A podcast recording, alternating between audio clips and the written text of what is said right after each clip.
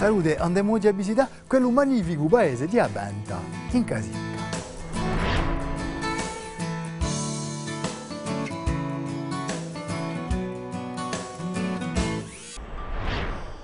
Tra la piaggia di Vurelli e a Castaniccia troviamo a Casinca, arrampicata a cime a facca il paese di Abenta.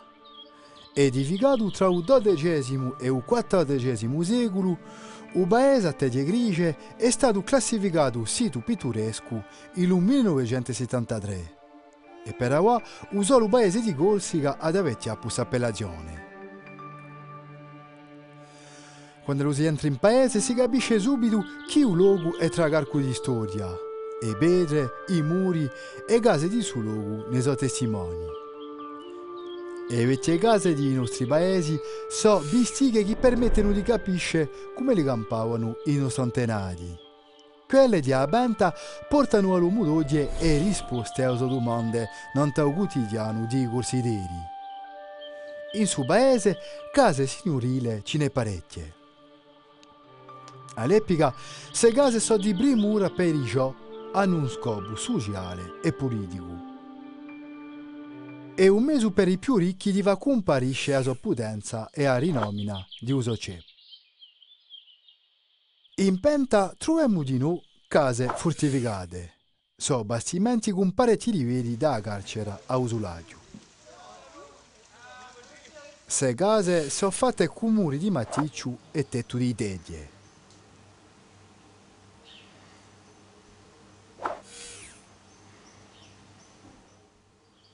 Qui si vede una casa magnifica che era una casa di Gio.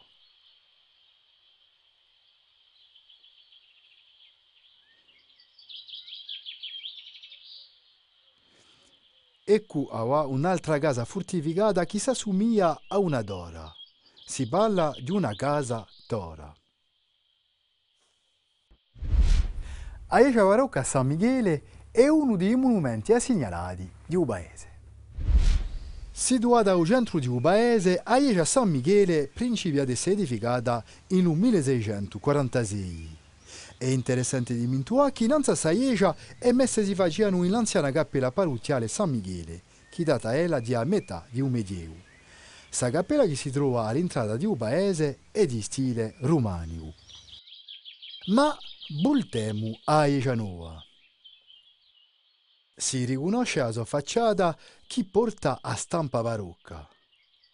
In l'arte barocca, a facciata ha una funzione maestra, posto che di ella chi comparisce subito. A seppica qui e invece devono essere viste da tutti e da lontano. C'è un caso di quella di Abenta. Si può parlare di una messa in scena di un bastimento a mezzo paese. E pilastre e cornice danno l'impressione di movimento.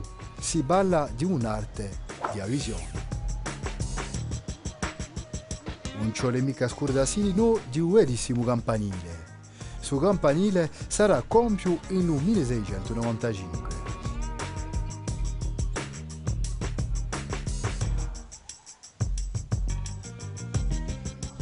Il patrimonio architetturale di un paese è di prima trinca. Ed è visto che monumenti assegnalati e belle case non mancano mica in penta. Fra i 200 abitanti di un paese abbiamo avuto la fortuna di essere accolti da Madame Franceschi, proprietaria di una casa antica. E qui, in dea carcera di suo casone, che abbiamo trovato un'altra stampa di un passato. Un fragno sempre in condizione. Fino agli anni 70 qui si faceva l'olio d'oliva. Ma come si faceva tanto solio? Gli animali, una mula o un sumere, puntava un timone di legno che faceva muovere una macina di pietra. Essa macina che franiava la live. A basta formata dalle live fragnate amitia nuotando in bagliacci. Si bagliacci erano ammansati dopo un torchio e si faceva una pressione da cacciare nell'olio che si metteva dopo in leggiare. A Biaglia di Vureli face di nuovo parte della comuna di Abenta. Giusto da Reda a Iecia troviamo un bel vedere che apre la Biaglia di cioè la ramintà che i vuleli facciano parte della comune di Abenta.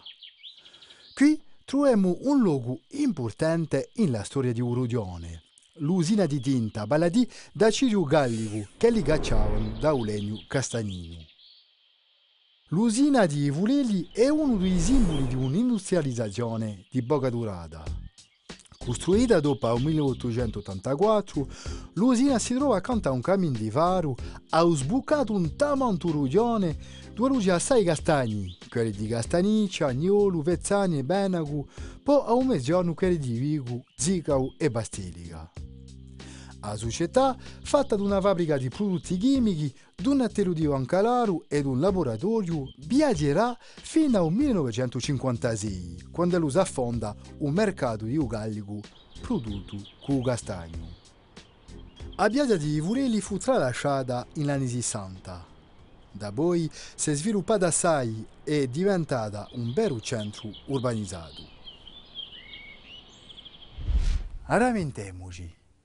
Il paese di Abenta è usato in Corsica ad essere classificato San Usano. Uso patrimonio architetturale e di prima drinka. A presto.